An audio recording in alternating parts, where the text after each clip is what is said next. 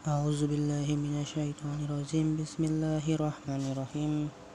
إن الذين كفروا من أهل الكتاب والمشركين في النار جهنم خالدين فيها. أولئك هم شر البرية. إن آمنوا وعملوا الصالحات أولئك هم خير البرية. صدق الله العظيم.